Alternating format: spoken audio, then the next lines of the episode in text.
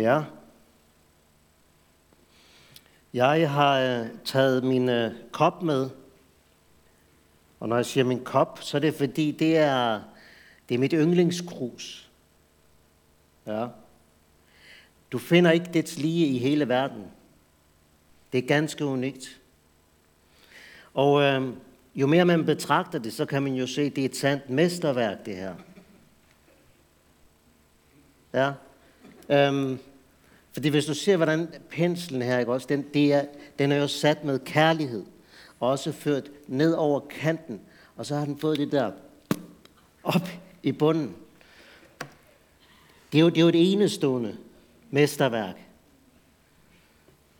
Ja. Det er faktisk øh, min yndlingskop. Den er indvidet ikke til helligt brug, men til søndagsbrug. ja. Så det er min søndags kaffekop. Og kan til nogen af deres og tænker, hvordan kan han se så meget i den? Fordi jeg kender ham, som har tegnet den. Det er min nevø. Øhm, det er min brors søn. Da han gik i barnehave, der fik jeg den. Det er mange år siden, men det er stadig min søndagskop. Ja. Overført på livet, også livet med Gud, der kan man nogle gange have det sådan. Hmm. Skabt. Underbart af ham. Tja. Jeg kunne måske godt se nogle ting, der skulle være anderledes. Eller når du ser tilbage på 2021, var det virkelig et år, hvor, hvor Gud var med? Der vil jeg gerne, at vi skal stande op for den her virkelighed. Jeg kender ham, som ikke blot, ikke bare har skabt dig, formet dig, men også ham, som har i begge sine hænder tegnet dig. Nu vil vi begynde med at bede.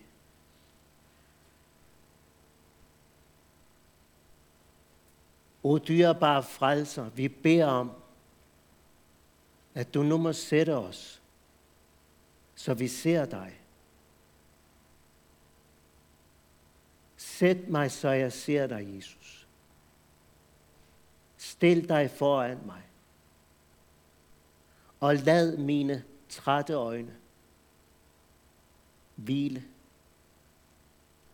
og festes på dig. Og rækker os ved dette blik trøsten fra himlen. Og Jesus, nu beder jeg særligt for dem, som trænger til denne trøst. Og som kan se, oplever, at du, du er så fjern. Åh, kom du til dem. Kom du til os gennem dette ord også på denne årets sidste dag, og i denne snart sidste time. Ræk os trøsten fra himlen. Slik vi får lov til at gå ind også i et nyt år. I vor Herre Jesu Kristi navn. Amen.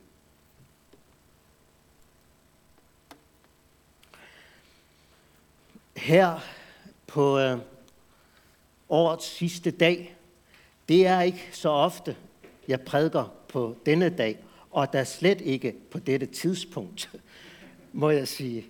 Øhm, der vil jeg gerne sige noget til dig, der har det, slik Sion har det. Vi hører om Sion, at Sion sagde, Jesajas 49. Herren har forladt mig. Herren har glemt mig.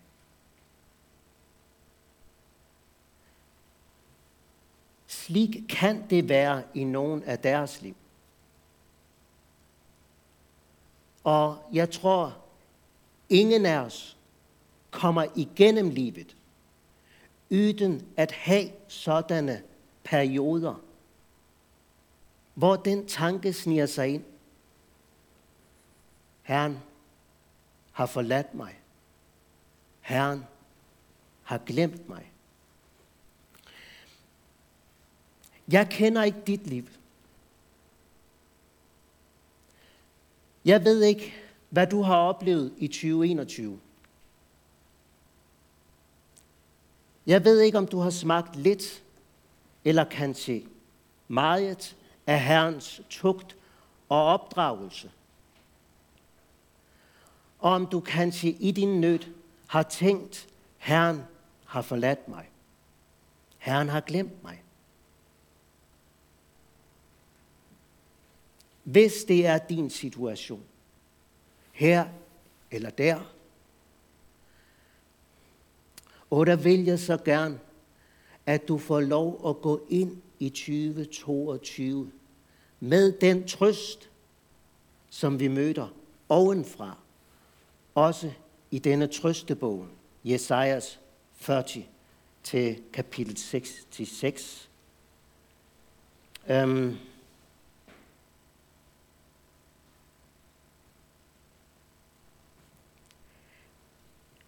Jeg vil vende tilbage til verset her, men jeg vil gerne, at vi nu skal se, hvor det er, det vers står i trøstebogen.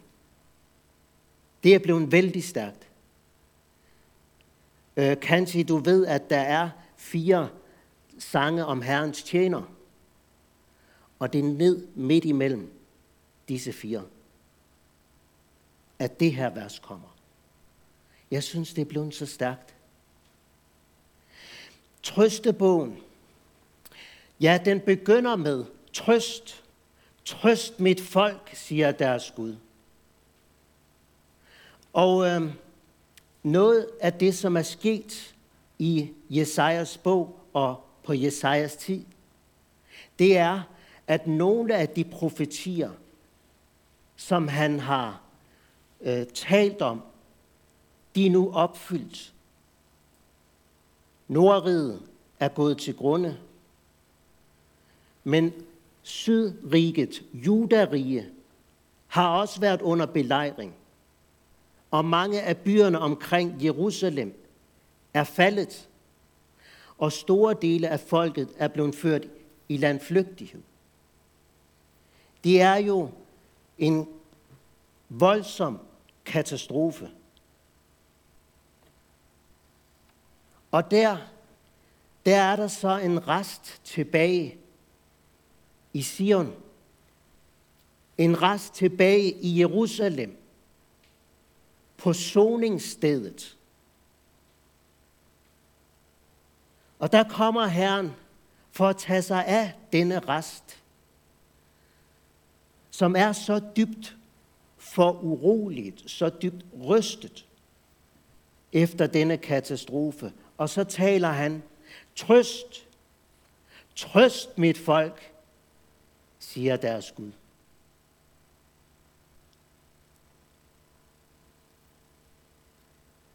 Alt deres eget, det er slået til jorden.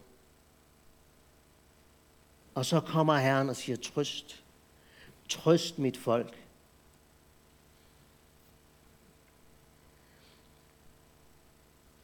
Og hvordan gør han det?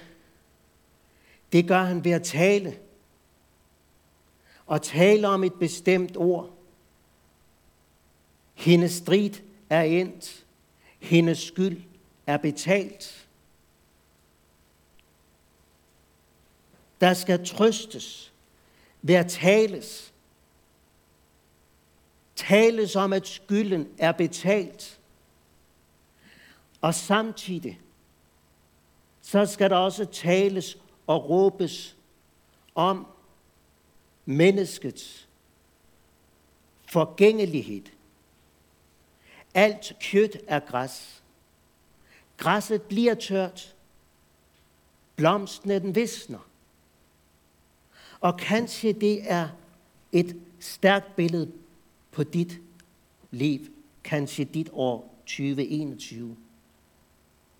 Jeg var som en blomst, der visnede. Men der skal du lægge mærke til, at det sker nogle gange, når Herrens ånde blæser på det. Ja, ikke bare nogle gange. Det er jo en del af Guds ånds førelse med os. At vort eget må vi miste.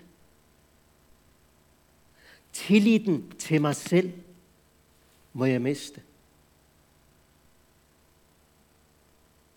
Nogle gange må vi ydmyges på den ene eller den anden vis. Ja, sandelig folket er græs. Græsset bliver tørt, blomsten visner. Men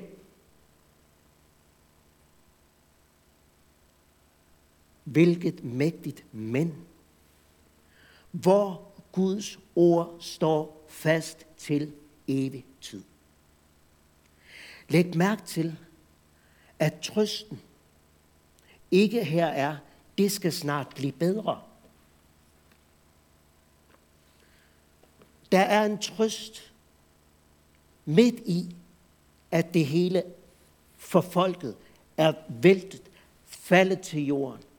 Der er en trøst midt ind i der, hvor du oplever dit liv som en vissen blomst. Det er, at hvor Guds ord står fast til evig tid. Slik begynder trøstebogen. At I ikke forlader Gud. Det er Guds ånd, der blæser på det. Og der kommer så denne trøstebog og taler så herligt, blandt andet jo med disse fire sange om Herrens tjener. Og kanskje du har hørt en eller flere bibeltimer om dele af disse Herrens tjener. Og kan frygte, puha, vi skal sidde her til langt over midnat. Der vil jeg sige, bare rolig. Jeg har valgt at have det fokus, der hvor vi begyndte, at tale til dig, som kanskje tænker, har Herren forladt mig? Og ud fra det pege på nogle trøsterige sandheder i de her fire sange. Og meget må vi jo selv sagt springe over. Læg mærke til den første sang når der skal trøstes. Jesajas 42. Se min tjener.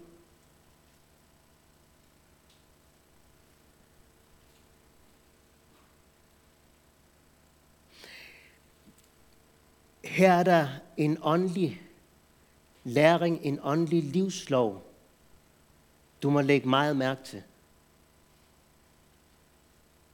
At når du er i en slik nød, hvor du tænker, har Herren glemt mig?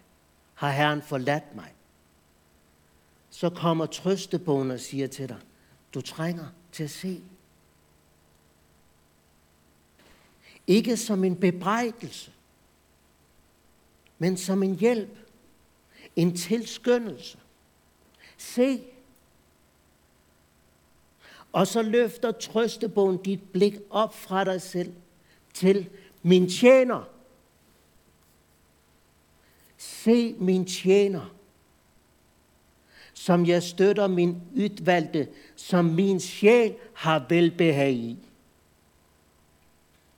Kanskje du husker, at da Jesus blev døbt i Jordanfloden, og han steg op derfra, der lød der en røst fra himlen.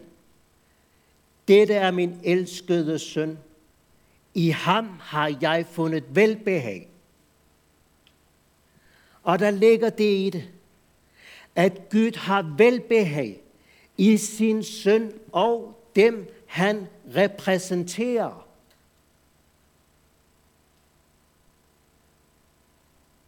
Har Gud forladt dig?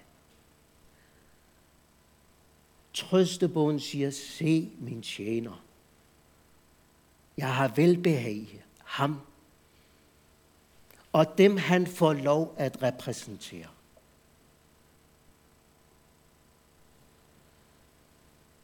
Jeg lægger min ånd på ham.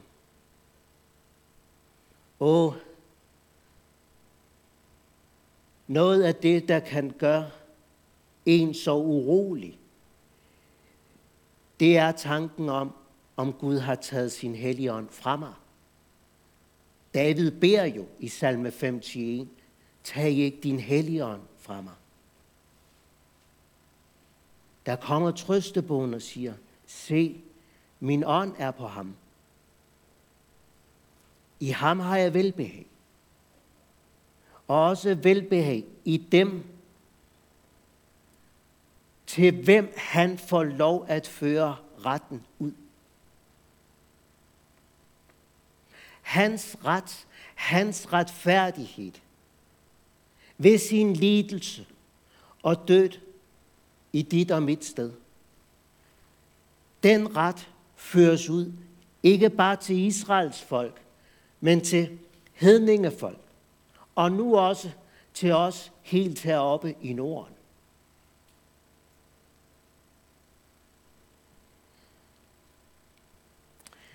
Hvem siges disse ord til? Jo, det siges til dem, vers 7, som er blinde. Du skal åbne blindes øjne. Blindes øjne. Så er der mørkt. Og man kan hverken se vejen frem, eller mening med det, jeg har gået det sidste stykke vej for man er blind.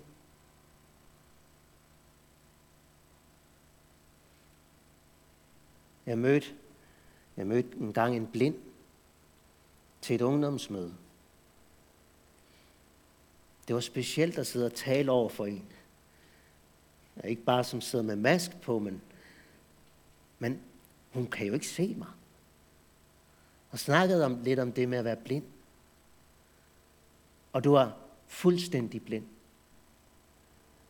Så hun ved jo ikke, hvordan træerne ser ud. Der var det så stærkt for mig, da hun så siger, noget af det, jeg ser frem til, når jeg får mit syn igen, eller når jeg får mit syn, det er, at den første, jeg skal se, det er Jesus. Det var hendes trøst i hendes fysiske blindhed. Herrens tjener, han skal åbne blindes øjne. Derfor må du lade dine øjne være rettet i den retning. Og lad din bøn være rettet i den retning. Han skal føre de bundne ud af fangehullet. Og læg mærke til, hvordan disse to billeder smelter sammen i det tredje. De sidder i mørket, i fangehullet. Det er dem, der sidder der, Herrens tjener er kommet til. Du kan ikke se vejen frem, du kan ikke se vejen tilbage. Det er mørkt. Du sidder fast, kan sige den samme synd fast, fast, fast. Se min tjener. Det er for slik, han er kommet. Og Gud han har endda gjort ham til en pagt. Det betyder, at når du skal vurdere, hvordan er mit forhold til Gud, der kigger du lidt tilbage på 2021 og tænker, hvordan gik det? Der kommer trøstebogen og siger, læg mærke til pakten, til kontrakten. Hvad står der i den? Den har du her. der står der om Herrens tjener. Du må øve dig i at blive mere pagtbevidst, når du skal vurdere dit forhold til Gud. Hvordan står det til? Så læser du om Jesus i pakten. Jeg vil værne dig og gøre dig til en pagt for folket. Og slik er han et lys for os. Det er trøsten i den første sang. Og nu den anden sang i Esajas 49. Hvordan skal Guds folk trøstes? Jo, hør, giv. Herren har kaldt mig fra mors liv af. Han har nævnt mit navn fra min mors skød. Så når du skal finde ind til trøsten fra himlen, der må du høre, der må du give agt. Og her, her skal du give agt på hans navn. Og nu er vi jo i Esajas bog. Og vi har lige været ind omkring det. Så jeg håber, det første navn, du tænker på, det er Immanuel.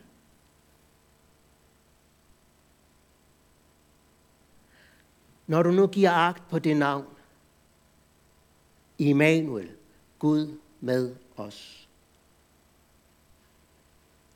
kan du så ikke fornemme, at der viger spørgsmålet, har Herren forladt mig? Det spørgsmål mister noget af sin kraft, når jeg giver agt på det navnet, Immanuel. Han skulle også kaldes Jesus, Herren frelser. Det er trøst at give agt på ham og hans navn. Og mange andre navne kunne vi trække frem.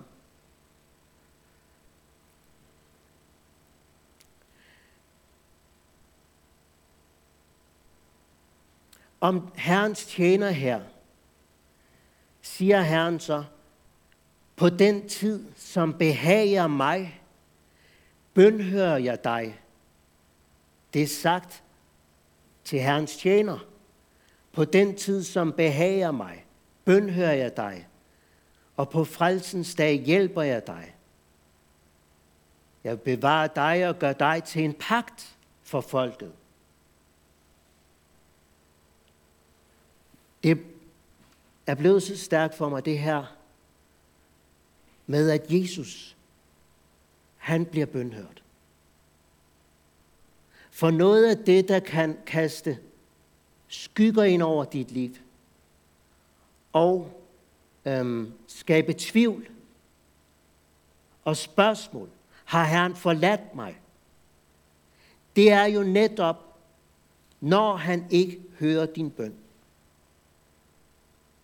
Eller rettere, når du oplever og føler, at han ikke hører din bøn.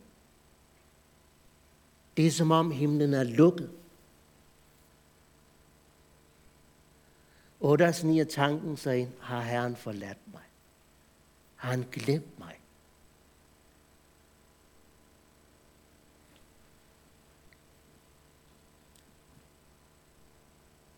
Herren siger om sin tjener, jeg bønhører dig, men læg også mærke til på den tid.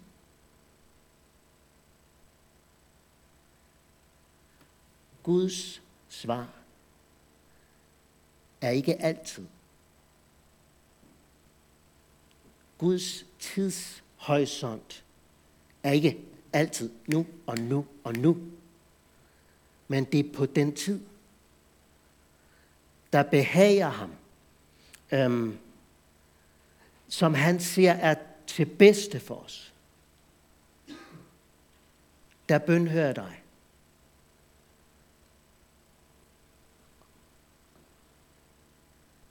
Og hvad er det for en tid, Jo, det er på frelsens dag. Der rækker han os igen frelsens ord. Der er en førelse her. En Guds førelse, vi ikke kan gennemskue. Men hvor er det godt at se. Han bønhører sin tjener. På den tid, som behager ham. Og på frelsens dag hjælper jeg dig. Hvornår er det frelsens dag? Ja, det kan du sige, det er det jo. Hver dag, når jeg bliver ført hen til Jesus.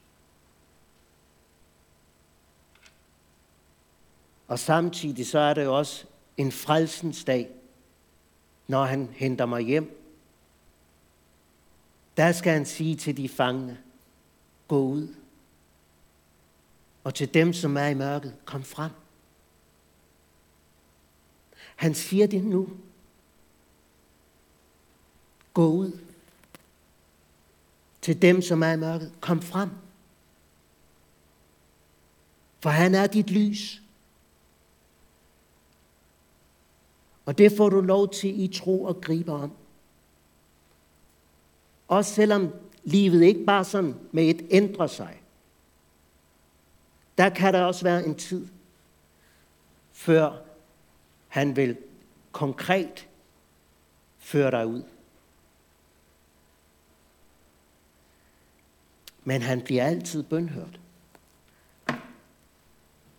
Jeg bønhører dig.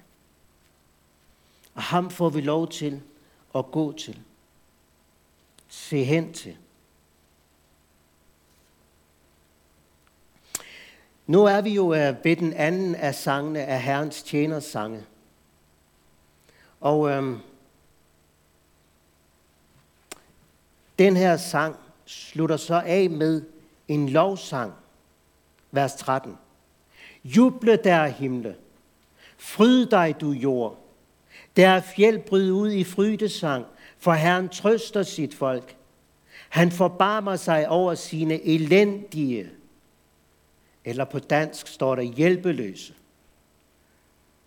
Jeg er egentlig så glad for jeres ord, elendige. Tænk sig, at når jeg må synge, højst elendig er jeg, så kender jeg alligevel ham, som forbarmer sig over sine elendige. Men jeg synes nu også, at vi må have hjælpeløse med. For netop i livet med Gud, der er det nogle gange elendigheden, og andre gange hjælpeløsheden, der kan tage al ens frimodighed.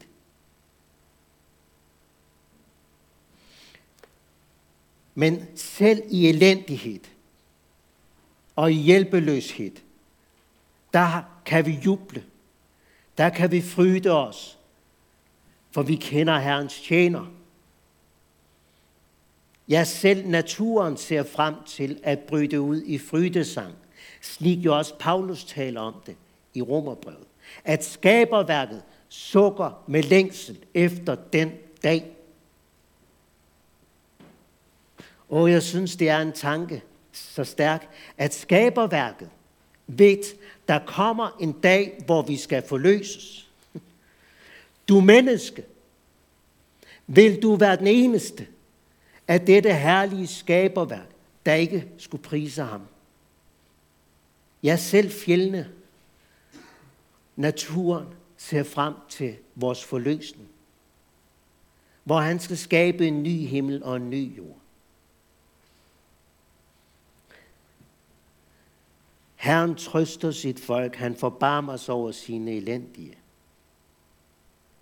Men ser du, det er så her. Det er så her, det meget, meget overraskende nu kommer ind. Vers 14. Men, og jeg har fremhævet men, for det står i min danske bibel. Men, og der får du et blik ind i anfægtelsens mørke. Der er nogen, der ikke kan juble. Der ikke kan fryde sig.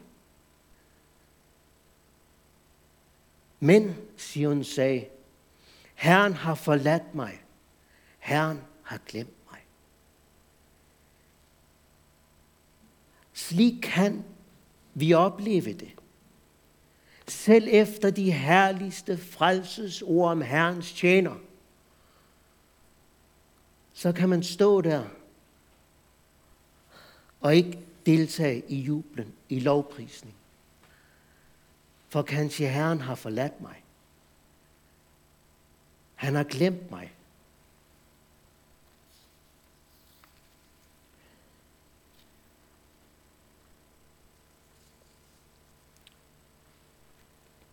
Jeg synes, de her to udsagn er vældig stærke. Herren har forladt mig. Og det er som om, at det første udsagn forstærkes med det næste. Herren har glemt mig. For en ting er at være forladt af andre. Det kan såre, eller det kan gøre ondt. Men at være glemt, glemt. Som en af mine venner engang sagde, altså en ting er at miste venner, familiemedlemmer ved dødsfald, og således være forladt. Det er smerteligt, når nogen forlader os.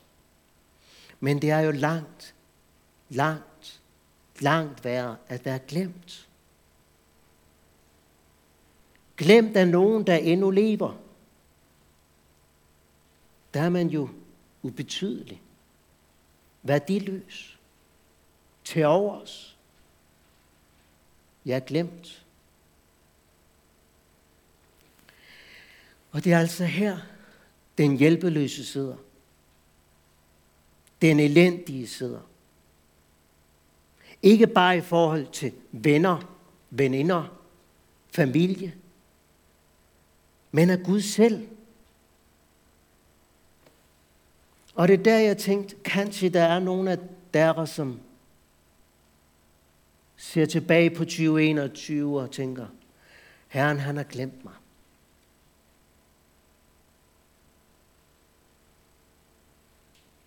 Årsagen til slike tanker kan være forskellige. Nogen kan opleve sygdommens smerte eller sindets mørke dage,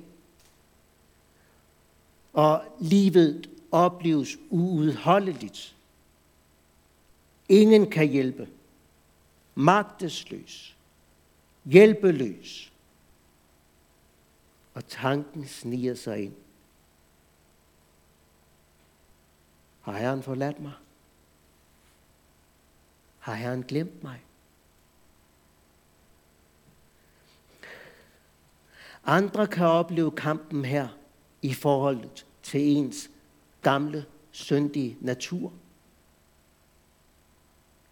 Igen og igen har din hånd, din fod eller dit øje ført dig til fald i 2021 og usikkerheden sniger sig ind. Har Herren forladt mig? Det er et forfærdeligt mørke at sætte i, som den elendige, som den hjælpeløse. Og sætter du her, eller sætter du der, så er det jeg her så gerne vil, inden vi går ind i 2022. At du lægger mærke til det spørgsmål, Herren nu stiller her. For Herren stiller nemlig to spørgsmål i det næste vers. På norsk er det et, men i den danske der er der to. Og jeg har valgt at øh, fastholde og formulere det som to spørgsmål. Fordi der er det som om, at spørgsmålet trænger dybere ind og det vil jeg altså gerne, at du øver dig på, at når du møder et spørgsmål fra Herren i den hellige skrift, stands op, overvej spørgsmålet, og hør dig selv svare højt og tydeligt. Det skal du ikke gøre nu, svare højt og tydeligt. Men jeg beder dig overveje, Først det ene spørgsmål. Så det næste spørgsmål. Og svar enten ja eller nej i dit eget sind. For når Herren han skal trøste den, som er her, så siger han ikke, pyt, pyt, pyt. Han prøver ikke at tale det ned. Han går ind der, hvor du er. Og så stiller han to spørgsmål. Glemmer vel en kvinde sit dine barn?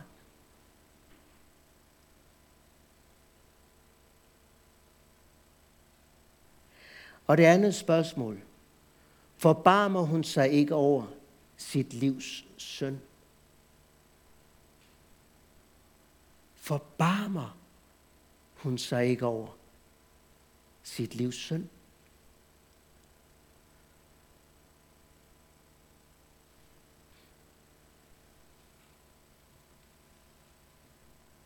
Gennem disse to spørgsmål vil Herren ikke tale din nød ned, ned, men han vil løfte dit blik op.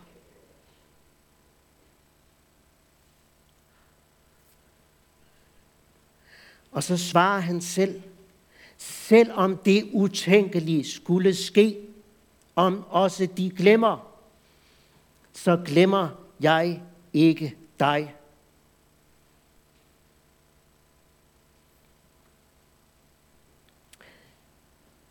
Herren Jesus Kristus glemmer ikke dig. Og grammatikken her er faktisk endda stærkere på grundteksten. Sådan som jeg er, er det umuligt for mig at glemme dig. Så stærkt er det sagt her. Sådan som jeg er, er det umuligt for mig at glemme dig. Det er fuldstændig utænkeligt. Om ikke de to spørgsmål skulle have givet det svar allerede, så kommer udsagnet her også med det grammatiske og understreger, det er fuldstændig umuligt. Det er det. For se, vers 16, se. I begge mine hænder har jeg tegnet dig. I begge mine hænder har jeg tegnet dig. Kan du lade være med at tænke på de navledmærkede hænder? Husk på, at Jesus jo bærer mærkerne fra navlerne, også efter sin opstandelse, da han møder Thomas, siger han til Thomas, ræk din finger frem. Her er mine hænder. Ræk din hånd frem og stik den i min side, og vær ikke vantro, men troende. Denne opstandende herre og frelser kommer nu til dig. Dig, som tænker, har du forladt mig? Har du glemt mig? Og igen så siger han, se. Se begge mine hænder. Der har jeg tegnet dig. Hvad er det, som sker? Jo, når trøsten skal rækkes fra himlen, så prøver Gud ikke sig pyt, pyt, pyt til det, du oplever. Han hører det. Og det er det, jeg synes er så stærkt. Du bliver ikke smidt af holdet, når du sidder med den følelse, Gud har glemt mig. Og når troen vakler, har Herren glemt mig. Der kommer Gud ikke og siger, væk med dig, næste. En sådan kan vi ikke bruge på holdet. Det siger han ikke. Men nu kommer han med endnu stærkere udsagn og siger, se, i begge mine hænder har jeg tegnet dig. Når dit blik vendes til den korsfæstede, så er det fuldstændig umuligt, at Herren skulle kunne have glemt dig. Det er umuligt. Ja, egentlig så skal han jo hugge sine hænder af, før han kan glemme dig.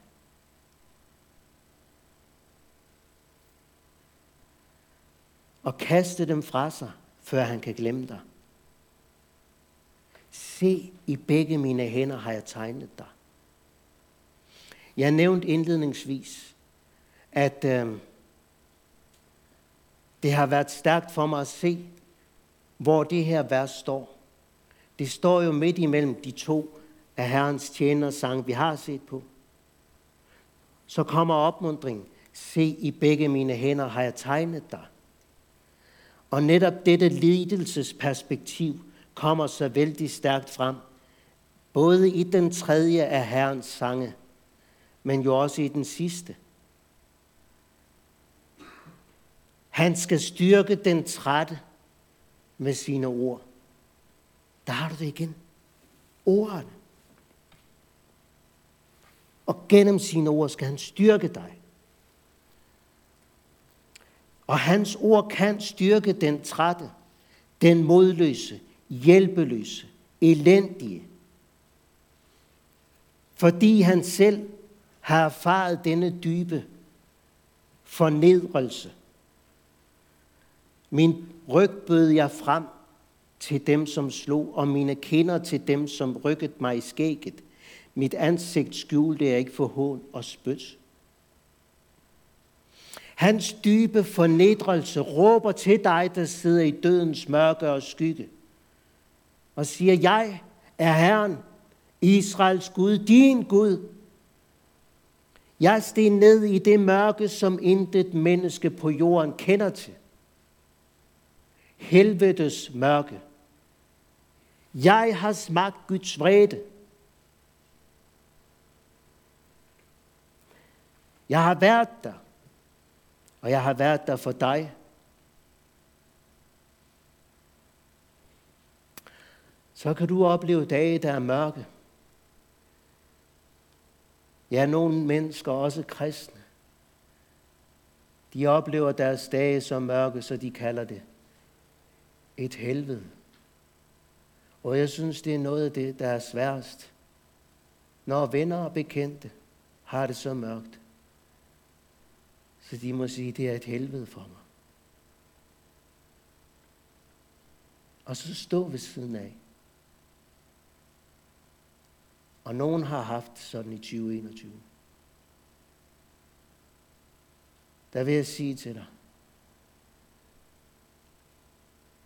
Herrens tjener, han ved, hvad du har oplevet.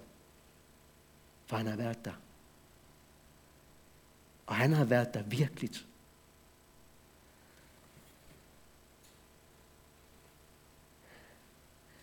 Se hans hænder, du er indgraveret der.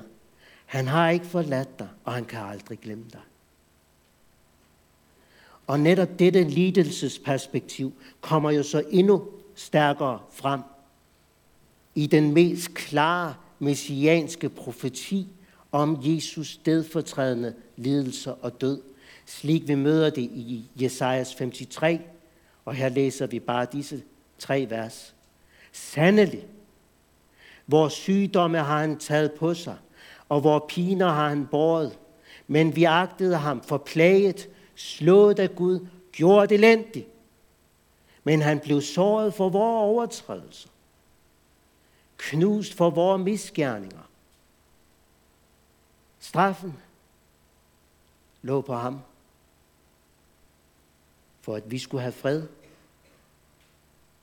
Ved hans sår har vi fået lægedom. Vi får alle vildt som får, vi venter os hver til sin vej, men Herren lod den skyld, som lå på os alle, ramme ham.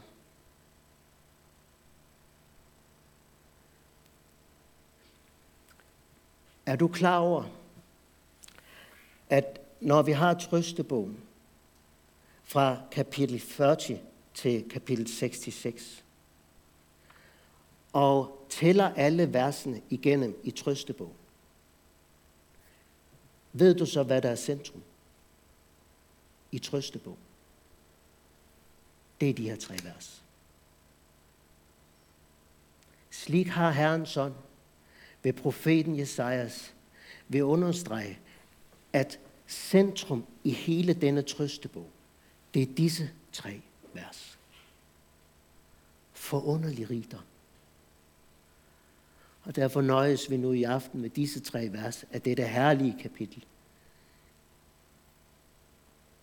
Har Herren forladt dig? Har Herren glemt dig? Han træder frem og siger, se, løft dit blik og se. Jesus sårmærker fra korset vidner i al evighed om, at synden er sonet. Gælden er betalt. Aldrig vil Gud kunne glemme dig på grund at du glemte ham i fristelsens stund, kanskje.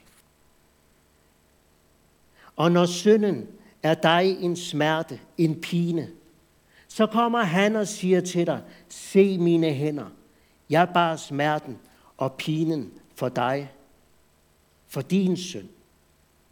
Og når de gentagende fald ydmyger dig, og er der en klage, og du føler dig elendig og skamfuld, der kommer han og siger, se mine hænder, jeg bar din skyld og din elendighed, og blev knust for dine misgerninger. Og når ulykke og nød kommer på din vej, og du gennem lange bønskampe har råbt til Herren, men han griber ikke ind, og du føler dig forladt, der kommer han og siger, se, i begge mine hænder har jeg tegnet dig. Dine sygdomme har jeg taget på mig. Se mine sår. Her har du lægedom.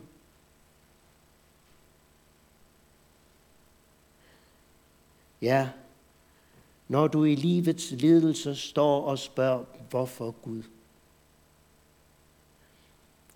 Her har du svigtet mig. Der vidner korset og hans hænder altid om. Gud er med dig.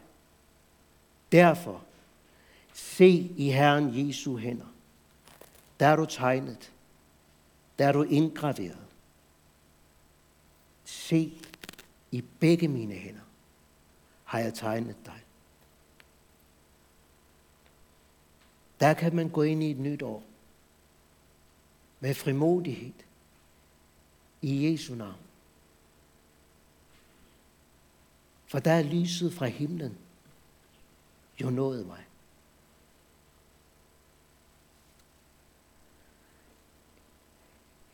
Et af de citater, som ofte har været til hjælp for mig, og som har bragt lyset ind, det er et citat af Rosenius.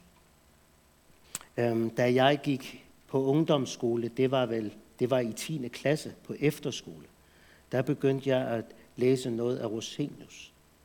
10. klasse. Øhm, og blev vældig glad for den trøst, jeg mødte der. Og der er det et citat, som har fulgt mig gennem livet, og det vil jeg slutte med. Netop der, som jeg lå der og ikke kunne røre en finger til min frelse. Ikke en finger, der er man hjælpeløs. Så kom der en, der havde sår i hænder og fødder og sagde til ham, sagde til mig, du skal leve. Vil du nu erkende, at du intet formår? Vil du tro, at jeg er din frelser, jeg er alene? Se mine hænder. Se mine fødder. Der ser du din fromhed. Dine gode gerninger. Dit hellige liv. Trøst. Trøst mit folk, siger Herren. Se, der kan vi altid ønske hinanden et glædeligt og også et velsignet nyt år. I Jesu navn. For det ord, det står evigt fast. Herre Jesus Kristus, Vi takker dig for, at du steg i vor jammer ned, i vor elendighed ned, så dybt som ingen ved. Og nu beder vi om, at du vil lade dine sår, din smerte, Vær min trøst hver eneste dag. Ja, Jesus, jeg beder om, at vi må kunne sige med Paulus, gid, det aldrig må ske for mig, at jeg bliver stolt af andet, end af vor Herre Jesu Kristi kors. Jesus, tak at det er centrum i trøsten fra himlen. At vi er tegnet i begge dine hænder. At der er lægedom ved dine sår. Tak, at der går vi fri. Befriet ud af 2021 med de ting, vi kender til. Og kan med frimodighed gå ind i 2022.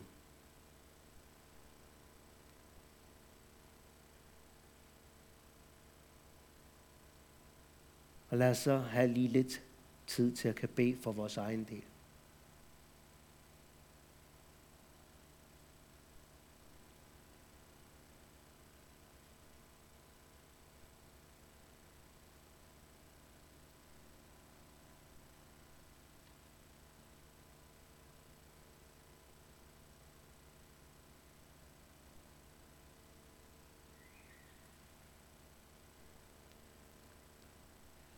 Herre, tak, at du har hørt vores bøn. I Jesu navn. Amen.